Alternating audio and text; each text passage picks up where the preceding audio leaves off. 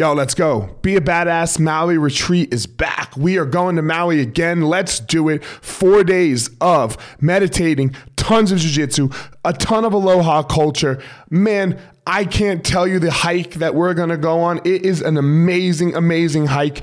Go to my website, elliottmarshall.com. Click on Be a Badass, click on retreats, and you will see right there the Be a Badass Maui retreat. It is there. Let's go. Get more information. You're just going to click on Give Me More Information, and we will hit you up. We will call you, and you will have the best week of your life in Maui with me and my team doing jujitsu, going in the ocean, jumping off cliffs. Oh my Lord, it's going to be an amazing time. elliottmarshall.com. Click on Be a Badass. Yo, my ninjas, what up? How are you? Hope you're doing well what is the last thing here? The last thing that we're going to talk about. Now, look, I don't have time to talk about this on a short Monday motivational. So I'm, I'm going to give a little synopsis of, of this last piece of truly becoming a badass, okay? And let's remember the reason why we're doing this. We are not doing this to be rich. Look, if it brings you richness, riches, then amazing, good for you. Uh, I, I hope it does. If that's what you want, if that's what you want. Remember, all of this is based off of what you want. Okay? Remember, if this isn't what you want, if I'm not the flavor you like, it's super simple. Unsubscribe, do all that stuff. Don't worry. Just don't listen. Okay? But if I am, if you find this helpful, let's go. Let's go. So, what are we talking about? Financial badassery. is that a word? Badassery. Last piece. You detach your dollar from your hour. You stop having to go to work for money. Okay? and you create, uh, there's a whole host of terms for it, mailbox money. Okay? The only way you can do that is to acquire assets. You must acquire assets that pay you for when time when you are not working. Now, like I said, I can't go into this, but where you can get it, there's a there's a there's a couple of books. One, uh, Rich Dad Poor Dad changed my life. Changed my life, especially the second time I read it.